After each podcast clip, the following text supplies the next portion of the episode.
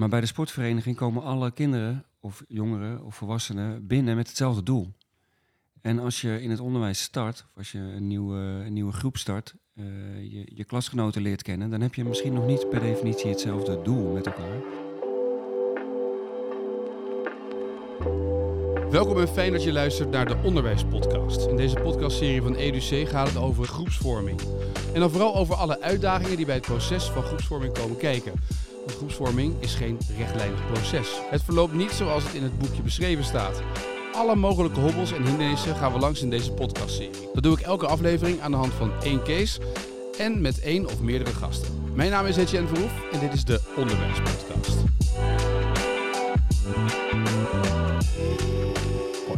Uh, we gaan in deze podcast praten over wat het onderwijs kan leren van uh, de sportwereld als het gaat om groepsvorming. Uh, twee mensen. Leroy, wil jij jezelf als eerst even voorstellen? Ja, natuurlijk. Mijn naam is Leroy de Visser. Ik ben 30 jaar, gymleerkracht op ja, locatie Scheudercollege Slingen. Ja, ja, dat doe ik nu een paar, paar weken. Veel plezier. Mooi. En Martijn, wil jij jezelf even voorstellen? Ja, goeiedag. Martijn Verkoordelaar, regio-directeur IUP Onderwijs Zuid-Holland. En wat heb jij met sport? Want je bent dan regio-directeur, maar wat is de sportachtergrond? Ik heb veel gesport in mijn leven. Uh, vroeger heel veel gevoetbald. Uh, daarna via mijn scholencarrière uh, eerst het SEALS gedaan en daarna de ALO gedaan. Dus ik heb als gymleraar ook gewerkt.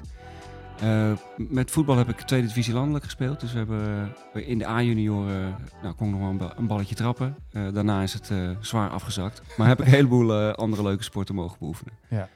En Leroy, je zit hier in je KVB-pak ook gelijk? Ja, ja. ja is dat gewoon een, uh, is dat hetzelfde als Paris Saint-Germain trainingspak dat je daarmee rondloopt? Op nou, ik, ik, ik werk voor de bond en ik moet vanavond uh, uh, naar Rodeburg. Mm -hmm. En dan ja, kan ik niet nog naar huis. Ik denk, nou, als ik toch les moet geven in een trainingspak, dan doe ik dat maar gelijk zo. En dan ben ik gelijk in mijn werkkleding voor vanavond. Ja, maar dus, dus, dus en onderwijs en ook gelijk KNVB. Dat is ja. ook interessant natuurlijk om die koppeling ook te zien wat daar gebeurt. Hè, over uh, sport en groepsvorming en dat soort zaken. Uh, deze podcast-serie praten we altijd aan de hand van een case. En de case is leidend en daar kunnen we steeds naar teruggrijpen.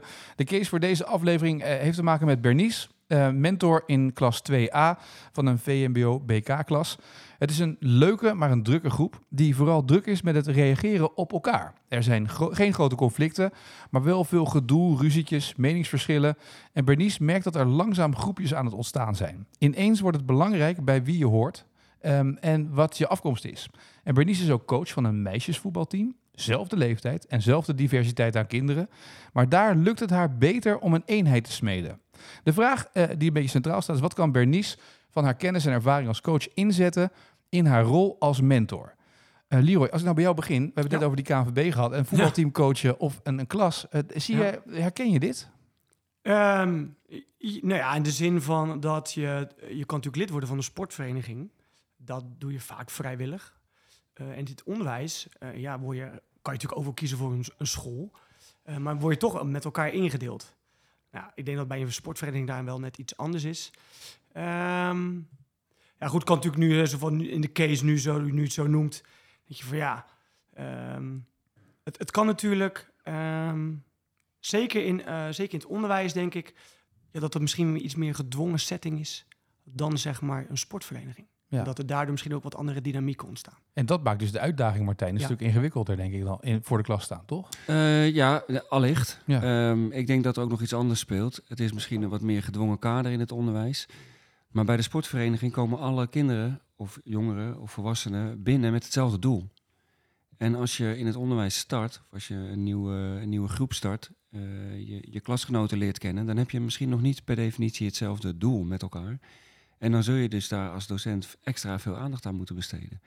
Een uh, groepsdynamica komt eigenlijk pas op gang als de groep een gezamenlijk doel heeft. Uh, anders is het een groep mensen die bij de bus wacht. Ja. En, uh, en, die hoeven niets met elkaar. Dus daar zou je extra veel aandacht voor moeten, aan moeten besteden. Dus denk het grote verschil tussen sport en onderwijs. Bij sport is dat doel er al. En moet je alle pionnetjes op de juiste plek zetten om dat doel te behalen. En uh, in het onderwijs zul je eerst met elkaar dat doel moeten afspreken. En doe je dat in de gymles? Als je zegt, we, hebben, we gaan dit jaar starten met de gymles. Dit is het doel van, van de gymles? Uh, ja. ja, sowieso benoem je dat omdat ze dan vaak ook de leerlingen weten waar ze dan aan gaan werken. Uh, dus je begint met een doel voor ogen. En daar ja, handel je zeg maar ook naar in de gymles. Maar dat kan ook dus zijn, bijvoorbeeld uh, binnen het voetballen of binnen basketballen of volleyballen, dat je bijvoorbeeld houdt aan spelregels. Nou en spelregels, ook wijs wel voor de sport, maar ook in de omgang met elkaar. Uh, dus je hebt zeker mee te maken. Ja, absoluut. En dat benoem je dan ook en dat, dat controleer je. Maar als je een voetbalteam coacht, dan zeg je we gaan kampioen worden, of we gaan promoveren, of uh, we gaan proberen tien wedstrijden te winnen. Mhm. En dat is het doel waar we mee gaan starten. Ja. En dan heb je dat gezamenlijk doel. Als jij het, het schooljaar begint en je hebt die klas voor de eerste keer voor je neus in de gymzaal. Uh, zeg je dan als doel, het doel is dat we allemaal zo meteen de marathon kunnen rennen? Of wat is, leg je zo'n... Ja, je, je legt wel een, bijvoorbeeld, um, wat ik doe, ik deel het, het, het, leerjaar in, in bepaalde blokken. En dat mhm. je per blok uitlegt welke sporten er aan bod komen, wat je gaat doen, hoe we het gaan bewijzen van gaan afsluiten. Uh, dus dat je eigenlijk in een wat, wat kortere periode uitlegt wat er van ze verwacht wordt. Uh, maar overkoepelend is natuurlijk dat je vertelt waarom je dingen beoordeelt, hoe. Uh, en wat het in die zin ook het nut heeft voor die groep kinderen die dan voor je zit. Dat denk ik dat wel heel belangrijk is. Ja, ik denk Martijn, door jouw woorden wat je net zegt, het, het, is bijna het verschil tussen teamsport en een individualistische sporter. Want als jij namelijk een schaatser bent en je hebt het doel de Olympische Spelen te halen, dan bepaal je zelf de route. En in de klas bepaal je natuurlijk ook voor een groot gedeelte zelf die route.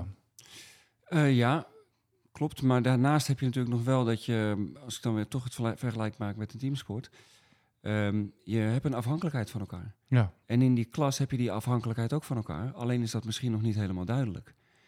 Dus die moet je kweken, die moet je inzichtelijk maken, zodat kinderen ook zich tot elkaar gaan verhouden. Uh, en bij de individuele sport heb je dat natuurlijk ook. Ben je ook afhankelijk van een trainer, afhankelijk van trainingsmaatjes die, uh, die jou een stapje verder brengen, ja of nee, of uh, zelfs een mentale coach. Dus die afhankelijkheid moet je denk ik altijd proberen te kweken om elkaar sterke en zwakke punten te identificeren en elkaar daarin te helpen. En is dat iets vaak wat we vergeten in het onderwijs? Omdat we vaak naar het individu kijken in de klas en hoe kunnen we het individu verder helpen? En die groep, eh, je bent onderdeel van een groep, maar je bent meer eh, gefocust op het individu? We kijken steeds meer naar het individu, dat ben ik met je eens. Um, en ik denk dat als, je, als we dat iets minder zouden doen en zorgen dat die groepsdynamica een uh, positieve uh, progressie doormaakt, dat uiteindelijk kinderen een stuk verder komen dan dat we ze alle, individueel zouden benaderen. Ja. Um, we zien ook in het onderwijs dat we meteen beginnen met lesgeven. Uh, en volgens mij zou je de eerste drie, vier weken van, uh, van een nieuw schooljaar zoveel mogelijk moeten investeren op die groepsdynamica. Dan haal je daarna, doordat de, klas rustig is, doordat ze elkaar kunnen helpen, doordat je een positieve sfeer hebt, uh, doordat het veilig is om aanwezig te zijn. En veiligheid is een randvoorwaarde om te leren. dat datgene wat je de eerste vier weken niet hebt opgepakt, dat dat ja, makkelijk ingehaald wordt gedurende het jaar als je het hele jaar, als je er te weinig aandacht aan besteedt en je hebt het hele jaar een onrustige klas, dan blijft het een worsteling voor een aantal leerlingen. En dan zullen ze uiteindelijk minder opnemen in dat jaar. Maar dat vraagt dus eigenlijk, dit is de voorbereiding van een voetbalseizoen, toch? De, de voorbereiding van een, sport, van een sportteam in, in de voorbereiding. Dan ben je met elkaar bezig, ben je aan het trainen, ben je samen bezig, sterker worden, fitter worden. En naarmate het seizoen voordat, slijpt uh, de automatische systemen slijpen erin dan, toch? Ja, ja, ja. Nou ja, ik denk dat het uh, uh, precies hetzelfde werkt in het onderwijs. We noemen het ook niet voor niets de Gouden Weken. Uh, maar soms uh, vergeten we het. En omdat we denken, de druk van het uh, curriculum is leidend. En um, ja, ik denk daar toch wel anders over. Ja, is, merk je dat ook? Heb je die druk van het curriculum ook? Merk je dat ook? In, in, on, ja? um, nou, ik vind voor de, um, voor de, voor de LO-sectie is het zeg maar wat... wat zijn, de, zijn, de, zijn de einddoelen wat vrij. Je ja. kan het wel vrij interpreteren. Er wordt wel genoemd waar je wel aan moet voldoen. Maar dat kan je in de gaande jaren zeker wel uh, vrij toepassen. Ja, dus ik voel die druk niet in die zin zo. Um, kijk, je wil ze natuurlijk uh, in die zin een beetje bekwaam maken voor die beweegcultuur. Dus dat ze inderdaad naar een voetbalvereniging of naar een volleybalvereniging of naar een atletiekvereniging gaan. Um, dus dat is ook het onderliggende doel. Um, maar echt zozeer een druk ervaar ik dat niet. Nee, zo voel ik dat niet. Nee. Zou, zou je sport ook kunnen inzetten? Want ik bedenk me nu, uh, je hebt in die weken, die vier, vijf weken, die, die, die gouden weken eigenlijk, daar kan je een basis neerzetten. Uh, maar benutten we daar sport eigenlijk genoeg in om die groepsdynamica te ondersteunen of niet? Ik denk te weinig. Uh, sowieso omdat we natuurlijk weinig gymles hebben. Ze hebben misschien twee uur, misschien op een sommige ja. school drie uur in de week gymles. Ja. Um, en ik zie eigenlijk niet dat mentoren de vrijheid nemen om bij wijze van spreken naar een sportclub te gaan of naar een, uh, uh, een zaal te huren om daar met elkaar een, uh, een voetbaltoernooi of een ander soortig toernooi met elkaar op te pakken. Ik denk dat dat wel zou helpen. Want fysiek met elkaar bezig zijn zorgt er wel voor dat je je makkelijker tot elkaar kunt verhouden. Ja. En als die in die eerste vier weken word jij als docent lichamelijke opvoeding gevraagd, wat zie jij gebeuren in die groep? Uh, jazeker. Ja? Dus, vaak ben je ook wel een speel voor, voor de klas. Dan is het ook, vragen de docent ook wat, bij van wat ik zie. Maar ik geef ook terug van wat ik heb gezien. Van, joh, klopt het dat deze leerling, of zie je dat bij deze leerling ook ontstaan? En ik denk dat dat wel de, weet je, de meerwaarde van een vakleerkracht is dat die met elke klas wel iets heeft. Uh, dus je bent ook wel belangrijk, omdat je ze in een bepaalde situatie ziet, wat Martijn ook net zegt. Het is vrij, je bent afhankelijk van elkaar. gebeurt heel veel. En eigenlijk situaties die, ja, die misschien ook wel buiten op een plein ontstaan of buiten op straat, um, waar dan misschien wat minder zicht is. Op het moment dat je ze op school hebt en je kan het zo met elkaar afspreken en afstemmen, denk dat je net wel een heel eind komt. Zeker in die gouden weken, ja, kan je gewoon daar in de norm leggen. Ja. ja. En heb je elkaar wel voor kaart voor nodig. Je kunt het veel explicieter maken door met elkaar fysiek bezig te zijn. Als iedereen in een klaslokaal zit achter een tafeltje, dan weet je nog niet waar de een goed in is of waar de ander goed in is. Nee, want dan relateren we het aan leren. En iemand kan heel goed zijn in leren of heel slecht zijn in leren, maar fantastisch zijn op een ander, op een ander vlak. Ja. En als je jongeren via sportactiviteiten heel makkelijk inzichtelijk kan maken wat de afhankelijkheid is van elkaar en wat het commitment op elkaar zou moeten zijn om bijvoorbeeld een sportactiviteit goed te doen, um, dan oefen je in een hele overzichtelijke setting wat je eigenlijk in de klas ook terug wil zien. Dat als je een opdracht hebt, dat ze met elkaar kunnen gaan samenwerken. En dat als de ene iets beter is dan de ander, dat je juist die koppeltjes bij elkaar zet om, uh, om elkaar te helpen. Daarvoor moet je wel dat al een paar keer geoefend hebben met elkaar. Anders accepteer je het misschien niet van elkaar. En in de sport, of als je fysiek bezig bent met elkaar, dan openbaart het zich meteen. Je kan die bal goed vangen of niet goed vangen. Um, en als je hem beter kan gooien dan vangen, dan moet je misschien de rollen zo omdraaien dat jij hem gooit en dat de ander hem vangt. Dat zou je ook in een klaslokaal terug willen zien. Ja.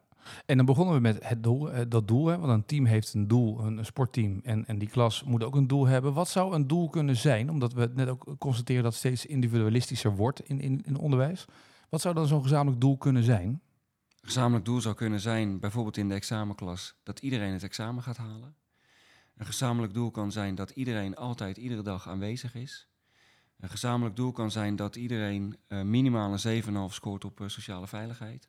Ja, en zo kunnen, we een, zo kunnen we een heel rijtje maken. Als we, als we er even voor gaan zitten, dan heb je zo twintig dingen die je als gezamenlijk doel kan, uh, kan identificeren met elkaar. Ja, en die bepaal je dan met de klas. Wat vinden wij het doel waar we dit jaar aan gaan werken?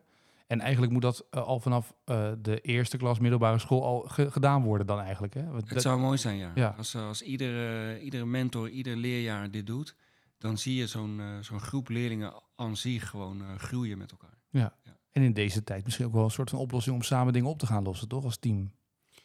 Ja, ik, ik denk juist... Um, kijk, als je net die doelen scherp hebt met een groep... of het nou inderdaad op sociaal gebied is... of, of inderdaad een prestatiedoel... of Weet je, ook het, het, beter worden in voetballen of in volleyballen. En daar kan je natuurlijk allemaal mooie doelen aan hangen. Um, is je wil uiteindelijk je wil ze ergens naartoe hebben. En dan zie je bijvoorbeeld, uh, ik zie bijvoorbeeld in de vierde, derde jaar, die gaan bijvoorbeeld stages lopen. Stage is een belangrijk onderdeel van het onderwijscurriculum. Is dat je, um, ze moeten het eigenlijk allemaal gaan doen. En ze hebben elkaar heel de dag in de gaten. Dus als je allemaal hetzelfde doel nastreeft en je kan het als docent begeleiden, dat je dus bijvoorbeeld aan de vaardigheden van het stage lopen, dat je dat nou heel concreet kan maken voor die leerlingen. Vaak is het ook voor, ja, maar waarom moet ik dit doen? Als je het nou heel concreet kan maken. Dus je daar naartoe kan werken, maar dan ook met elkaar. Uiteindelijk sluit het met z'n allen in die zin wel af. En wat je zegt, het schooljaar behalen, examen doen, je diploma halen. Ja, dat doe je uiteindelijk dan denk ik wel samen in zo'n setting, in zo'n klassensetting. Ja. Dat je elkaar verantwoordelijk maakt, je geeft elkaar verantwoordelijkheid. Uh, je helpt elkaar uh, op, ja, op, heel veel gebieden. Als je dat kan, uh, kan, die regie kan nemen en dan kan laten op die kinderen kan laten nemen, die regie. Ik denk dat, dat je dan wel iets moois voor elkaar hebt gekregen. Ja. Wordt het ook gevierd? Als, stel dat alle kinderen hun stage halen. Wordt dat genoeg gevierd in een klas? Want succes moet je vieren, leer ik altijd. Ja, dat zeker. Maar daar heb het zijn natuurlijk van mini-doelstellingjes. Ja, precies. Ja, ik heb daar in hier zin ja, in, in een korte tijd niet zozeer uh, zicht op. Maar als jij, je legt in een kwartaal een, een doelstelling neer, zeg maar, voor, voor een periode van drie maanden. Hè? Met, met zo'n klas vier jij aan het einde van die drie maanden dat, dat je zegt, oké, we hebben nu drie maanden dit gedaan, we, we hebben het allemaal gehaald. Uh, het is vandaag apenkooi, noem maar even. Nou ja, kijk, het is, ze vinden bepaalde dingen wel heel erg leuk om te doen. Ja. En als je weet van jongens, oké, we sluiten bijvoorbeeld deze periode voetbal, hockey af. En die laatste week voor de vakantie doen we uh, iets wat jullie leuk vinden. Ja. Noteer dat, gaan we dat doen. Dus op die manier vier je dat. Benoemen dit heel expliciet. Ehm, maar je kan op die manier wel wat teruggeven. Ja. En vaak zie je ook in die grote spellen mhm. ehm, bepaalde vaardigheden terug die ze daarvoor geoefend hebben. Ja. Dus dat is wel leuk.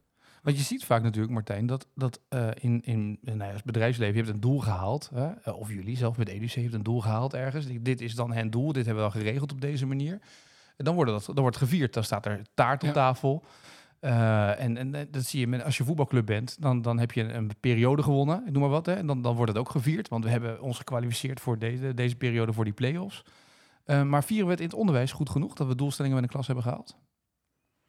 Omdat een beetje van de sport Dat zegt heb ik onvoldoende. Of het ook echt met een klas gevierd uh, wordt. Ik hoop het wel. -huh. um, want dat is ook weer onderdeel van het beïnvloeden van de groepsdynamica. Dat je met elkaar afspraken maakt doelen naast heeft, commitment op elkaar hebt. En als je het haalt, hoe klein ook, dat je het viert met elkaar. Uh, daarmee doen uh, leerlingen ook, vooral onze leerlingen, veel positiviteit uh, mee op en positieve ervaringen mee op. Um, ik denk dat we het op organisatieniveau wel proberen te doen. Um, door bijvoorbeeld, we hebben net weer een inspectiebezoek gehad, om de scholen allemaal een taart aan te bieden daar waar de in, inspectie is geweest. Gezonde taart, hè? Een gezonde taart. Ja, ja. ja helaas niet. Zonder taart zijn over het algemeen niet het lekkerste. De liefst gedraaide veganistische taart, zeg maar. Ja. um, uh, dus dat, maar ook uh, uh, gewoon een stukje waardering door op de scholen aanwezig te zijn als er zo'n spannend moment is. een compliment en waardering over te brengen na zo'n moment. Maar ook als er gewoon tussentijds iets gehaald wordt. Dus als, ik, ik, noem maar wat, als een school op schoolkamp gaat met, met de leerlingen, dan vind ik dat daar aandacht voor moet zijn. Dat is ook weer zo'n mooi doel dat je met elkaar kan, uh, kan nastreven. Dat iedereen mee op schoolkamp gaat. Mhm. Niemand uitgesloten wordt. En dat je daar een fantastische tijd hebt met elkaar. Ja. En we hebben het nu vaak over de vergelijking. Wat kan het onderwijs leren vanuit de sportwereld? Hè? Omgekeerd, wat kan uh, de sportwereld leren van het onderwijs? Wat kan de sportwereld leren van het onderwijs? Ja, ik denk, waar we het sowieso over hebben gehad, over hoe we überhaupt met kinderen omgaan. Uh, dus hoe creëer je het veilig pedagogisch sportklimaat? Ik denk dat we dat in het onderwijs heel sterk doen. Dat we er echt wel zicht hebben, ook over wat allemaal wordt bijgehouden, wat wordt genoteerd, gerapporteerd. Echt zicht krijgen op, uh, op, uh, ja, op de leerlingen en natuurlijk ook op de speler. Is dat ja, je, biedt gewoon die veilige, je biedt gewoon die veilige thuishaven op zo'n sportvereniging. En wat je vaak ziet is dat mensen met heel veel uh, plezier bijvoorbeeld op een sportvereniging rondlopen. Hè, ook dat echt wel zich verbonden voelen met een sportvereniging.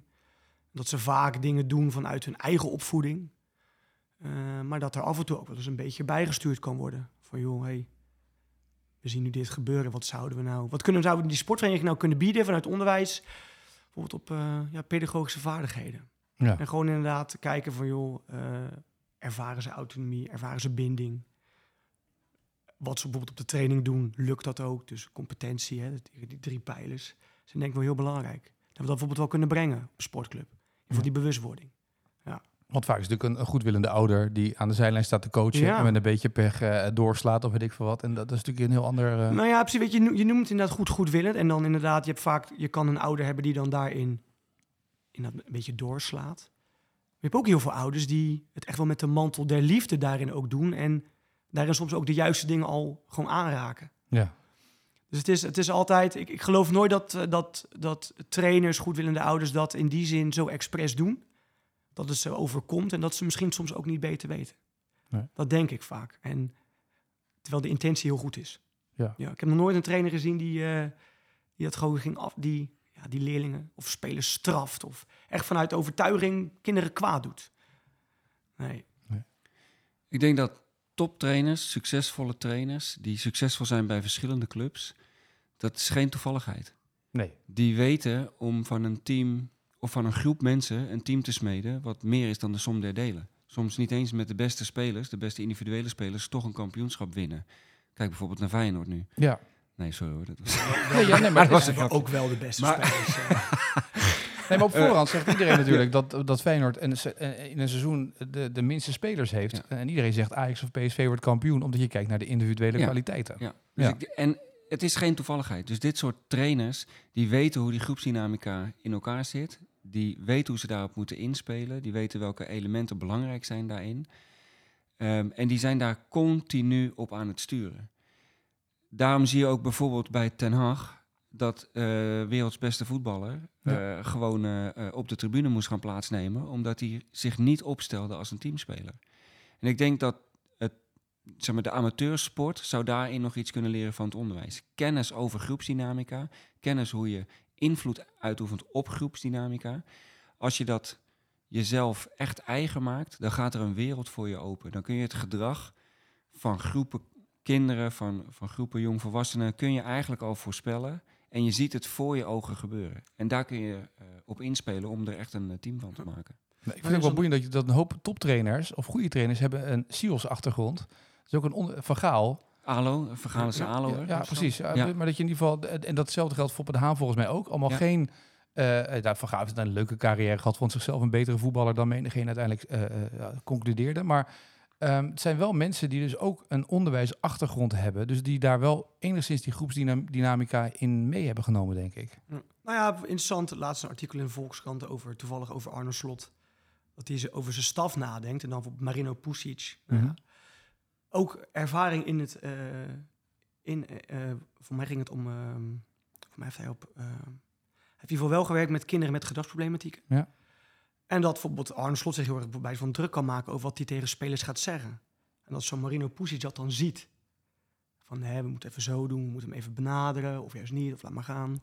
En Ruud van Nistelrooy ook, heeft ook ervaring inderdaad met jongeren met gedragsproblematiek. Had hij een hele mooie, voor een hele mooie stichting voor, ook een mooi bepaald lesprogramma. Um, dus ik vind het dan geen toeval dat die trainers... Ik vind Ruud Nistelrooy heel sympathiek. Ik zie hoe hij met de pers omgaat, ook met de jongens. Wat je dan van buitenaf ziet, hè vind ik heel, uh, heel sympathiek. Heel rustig. Ja, dat vind ik bij wijze van met de staf van Feyenoord op dit moment ook. Vind ik heel knap. Dat je toch met jongeren werkt. Het zijn natuurlijk ook gewoon soms nog jonge knapen hè, ja. die op het veld staan. Nou, als je dat zo, die ervaring mee kan nemen vanuit of het onderwijs of vanuit eh, inderdaad met jongeren met bepaalde gedragsproblematieken. Dat je er zoveel van kan leren. Ja, dat vind ik wel heel knap. Ja, en dat je dus ook een beetje achter het gedrag kan kijken van een kind. Hè? Ja. Wat wij natuurlijk ook uh, in het onderwijs veel moeten doen. Ja, juist. In die end is, is eigenlijk al het gedrag binnen de groepsdynamica erop gericht om orde, rust, veiligheid, overzicht en duidelijkheid te krijgen. Ja. En uh, ja, mensen doen dat op, op verschillende manieren. En als je, als je kan kijken naar het gedrag en dan kan identificeren, oké, wat heeft deze jongere of dit kind dan nodig om tot die structuur, orde, rust, veiligheid uh, en overzicht te komen dan kan je aansluiten bij, uh, bij wat je ziet. Ja. Uh, en dan zal het kind zich ook, of de jongeren zich ook gehoord en gezien voelen.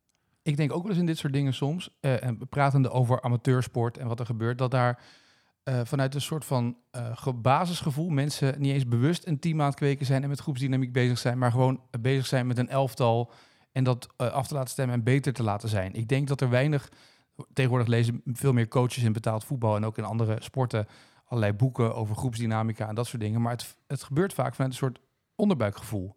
En vanuit onderwijs wordt natuurlijk heel erg gestuurd vanuit de opleiding ook groepsdynamica. Je moet daarop letten, je moet daarop letten. En dat we bijna te veel in het hoofd zitten in plaats van in het gevoel soms.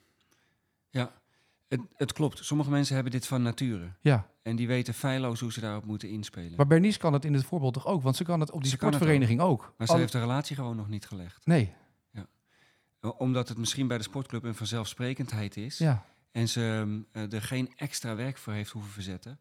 Maar als ze even snapt wat ze bij die sportclub doet. en ze doet dat in het onderwijs, dan gaat het haar ook lukken. Ja. Maar omdat we dan zo vol zitten met alle theorieën soms. Krijg ik bijna zo'n het gevoel dat mensen daardoor zo overlopen. Nou ja, of ze zijn uh, onbewust bekwaam. Ja, ja, En wil je ze eigenlijk naar bewust bekwaam uh, krijgen.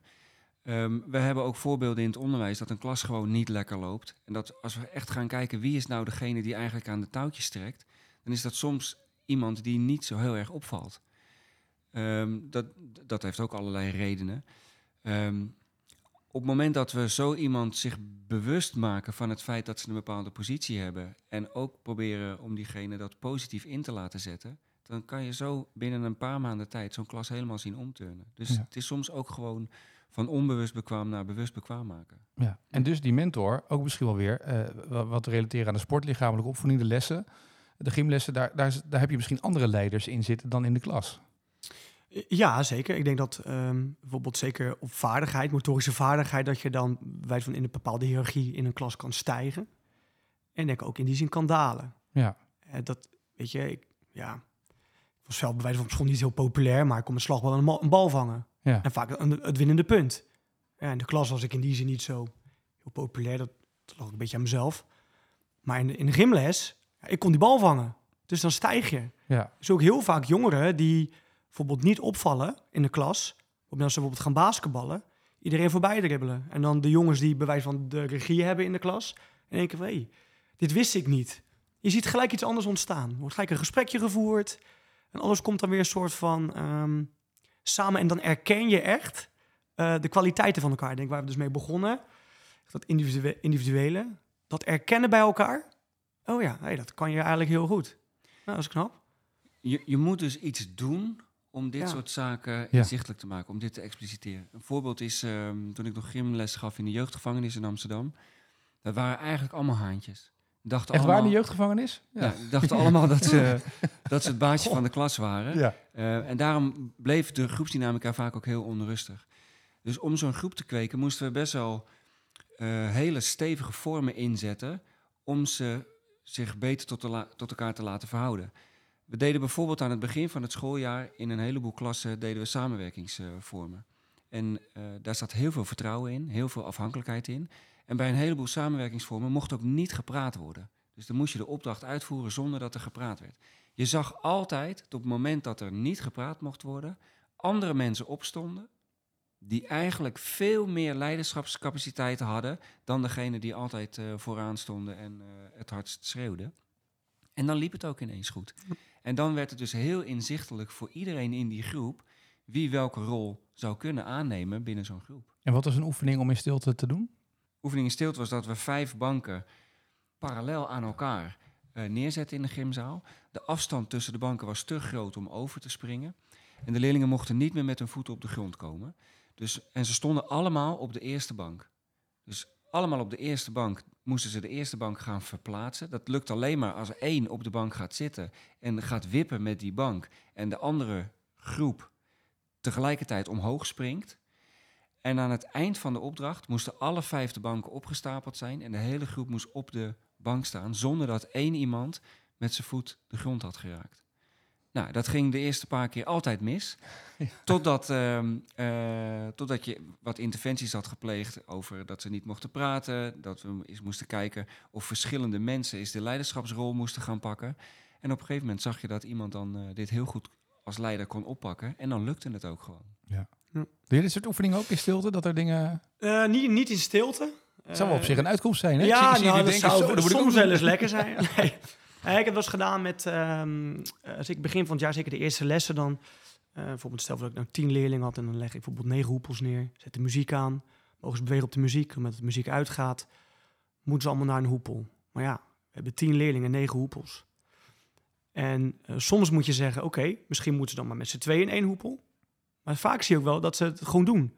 Dan zeggen kinderen, kom maar bij mij. En dan heb je ook gelijk heel inzichtelijk wie bij wie eigenlijk in die zin op het moment welkom is. Zeker in de eerste twee weken um, is toch een beetje spannend. Wat heb ik aan een ander? Uh, wie ga ik vragen, wie niet? Uh, waarom dan niet? Nou, in dat soort vormen. Nou, op een gegeven moment hou je dan, zet je de muziek weer aan, weer een hoepel weg. Nou, op een gegeven moment hou je maar één hoepel over. En staan ze dus met z'n allen in één hoepel. En dan met allemaal hun voet erin. En dan sluit je af. Nou jongens, gefeliciteerd, is jullie gelukt. Jullie zijn nu een klas. Oh ja, oh ja, oh ja, we zijn nu een klas. Nou, daarna voel je een kort gesprek. Hoe is het nou gelukt? Hoe kan dat nou? Wat voelde je dan? Wat zag je dan gebeuren? Oh ja, oh ja, ik zag, uh, die werd door die uitgenodigd en die werd door die uitgenodigd. Dus je had gelijk een beetje in de gaten wie nou met wie een beetje op kan schieten. En uiteindelijk eindigen ze allemaal samen in één hoepel. Ja, ja leuk. Dat is echt wel leuk om te zien. Ja, ja leuke vormen. Ik, ik, zou nog even terug willen komen op wat het uh, onderwijs van de sport kan, uh, kan leren. In de groepsdynamica heb je allemaal verschillende rollen. Mm -hmm. Je hebt de formele leider, je hebt de informele leider, je hebt misschien de clown in de groep zitten. Ehm, je hebt de adjudantjes, die eigenlijk de, de hulpjes zijn van de, van de informele leider. Ehm, binnen de sport is het heel gebruikelijk dat we een informeel leider aanwijzen. De aanvoerder van het team. Ja. Vaak ook gedragen door het, uh, door het team. Um, in het onderwijs doen we dat niet. Nee. Zijn we eigenlijk helemaal niet gefocust op wie is nou eigenlijk de informeel leider uit de groep en welke positie gaan we hem, hem of haar geven. Ik denk als we dat zouden doen, en dat ook ehm, duidelijk zouden maken voor de groep waarom iemand een bepaalde positie heeft en die positie ook zouden ondersteunen, dat dat best wel eens goed zou kunnen helpen in een klas. Je hebt een klassenvertegenwoordiger natuurlijk vaak, toch? Tegenwoordig een middelbaar onderwijs. Ja. Ja, maar ik denk dat de praktijk, althans zoals ik hem ervaren heb, was het altijd wel degene die dan het, de, de studiebol. De studiebol en de agenda mee moest nemen. Ja. En van joh, noteer jij dat maar, dan hoor het wel. Maar zou je dan... Wel belangrijk trouwens. Ja, maar dat zeggende, zou je misschien ook wel dus niet naar één eh, leider moeten gaan. Want in een voetbalteam heb je natuurlijk de aanvoerder, je hebt vaak één of twee reserve-aanvoerders. Uh, dat je eigenlijk veel meer naar een clubje gaat van twee of drie mensen, die dan samen soort van dat leiderschap ook weer delen. Ja, daar, daar geloof ik niet heel sterk in. Ik denk dat er echt één informele leider is. Ja. Uh, en soms is dat dezelfde persoon als de formele leider. Ehm, dat, noem ik, dat staat niet in de, in de literatuur van de groepsdynamica, maar dan noem ik je de alfa. Dan ben, je, dan ben je het allebei. Um, ik denk dat in een groep er maar één informele leider kan zijn. Mm -hmm. en als, dat, als die plek ongewis is, dan zal daar ook continu onrust over blijven ontstaan. Ja. Want iedereen probeert die leiderschapspositie te pakken, die eh. Sommige mensen zullen dat proberen, maar hebben misschien niet de capaciteiten, krijgen het niet toebedicht. Die plek krijgen ze niet toebedicht van de groep. Uh, maar willen dan misschien toch wel gaan, uh, gaan proberen. En zullen proberen de informele leider van de troon te stoten. Dus dat geeft eigenlijk heel veel onrust. Terwijl als je weet wie de informele leider is en je geeft hem, ook, hem of haar ook een positie, dan kan dat heel erg helpen. En wat we in ons type onderwijs veel zien, is dat degene met leiderschapscapaciteiten niet altijd weten hoe ze dat positief moeten inzetten. Het gevaar is dat je ze een beetje aan de zijkant wil laten staan. Maar dan blijven ze continu invloed uitoefenen vanuit de zijkant. En eigenlijk wil je ze juist in de spotlight zetten. En uh, ze zoveel verantwoordelijkheid geven dat ze het wel positief moeten inzetten. We komen eigenlijk tot een mooie metafoor. Hè? Dus het doel, zeg maar, eh, formuleren aan het begin van een jaar met een klas. Misschien wel met tussendoelen op weg daar naartoe. Want dat is ook in een voetbal of een sportteam natuurlijk ook zo. Dat het meetmomenten tussendoor zitten. Uh, de eerste vier weken is eigenlijk de voorbereiding op een seizoen. Waar je veel meer zit op groepsdynamica. Uh, de, de mentor en uh, alle docenten zijn meer de technische staf met elkaar. die samen proberen iedereen fit en op, op, op route te krijgen, zeg maar, op pad te krijgen. En is de mentor misschien dan meer een coach dan eigenlijk een mentor? Mentor is ook, natuurlijk een term die uit het onderwijs komt, maar veel meer uh, de coach uh, van, van een klas. Ja, ik denk dat je het zo zou kunnen zien. Ja. ja.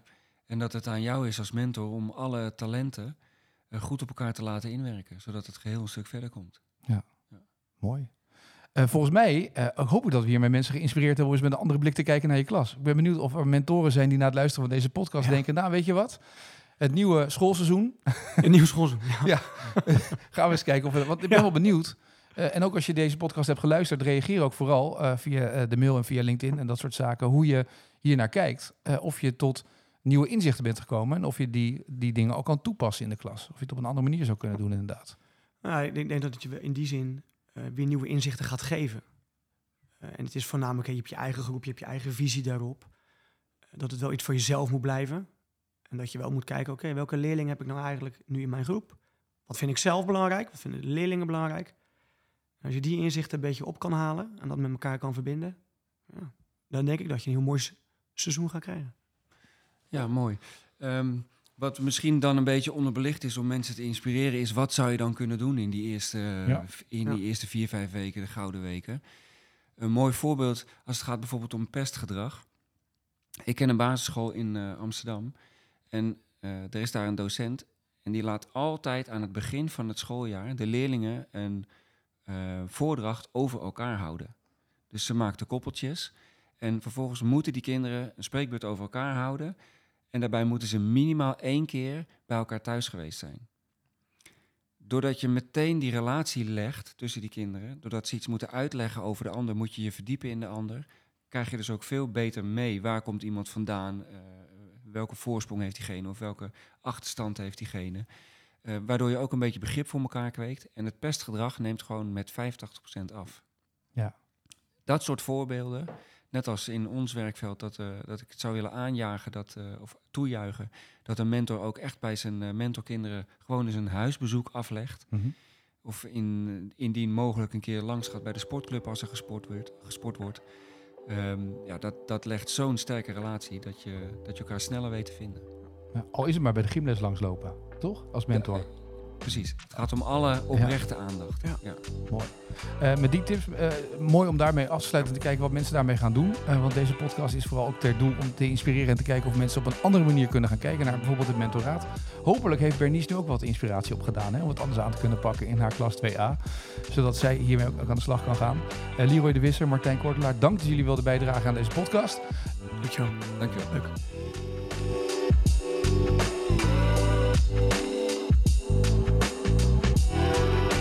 Dit was het voor deze week. Wil je nou meer weten naar aanleiding van deze podcast? Kijk dan via de link in de show notes wat EduC voor jouw school kan doen of voor jou als docent. Abonneer je ook op deze podcast via jouw favoriete podcastplatform. Dan word je automatisch op de hoogte gebracht van elke nieuwe aflevering. Tot de volgende onderwijspodcast.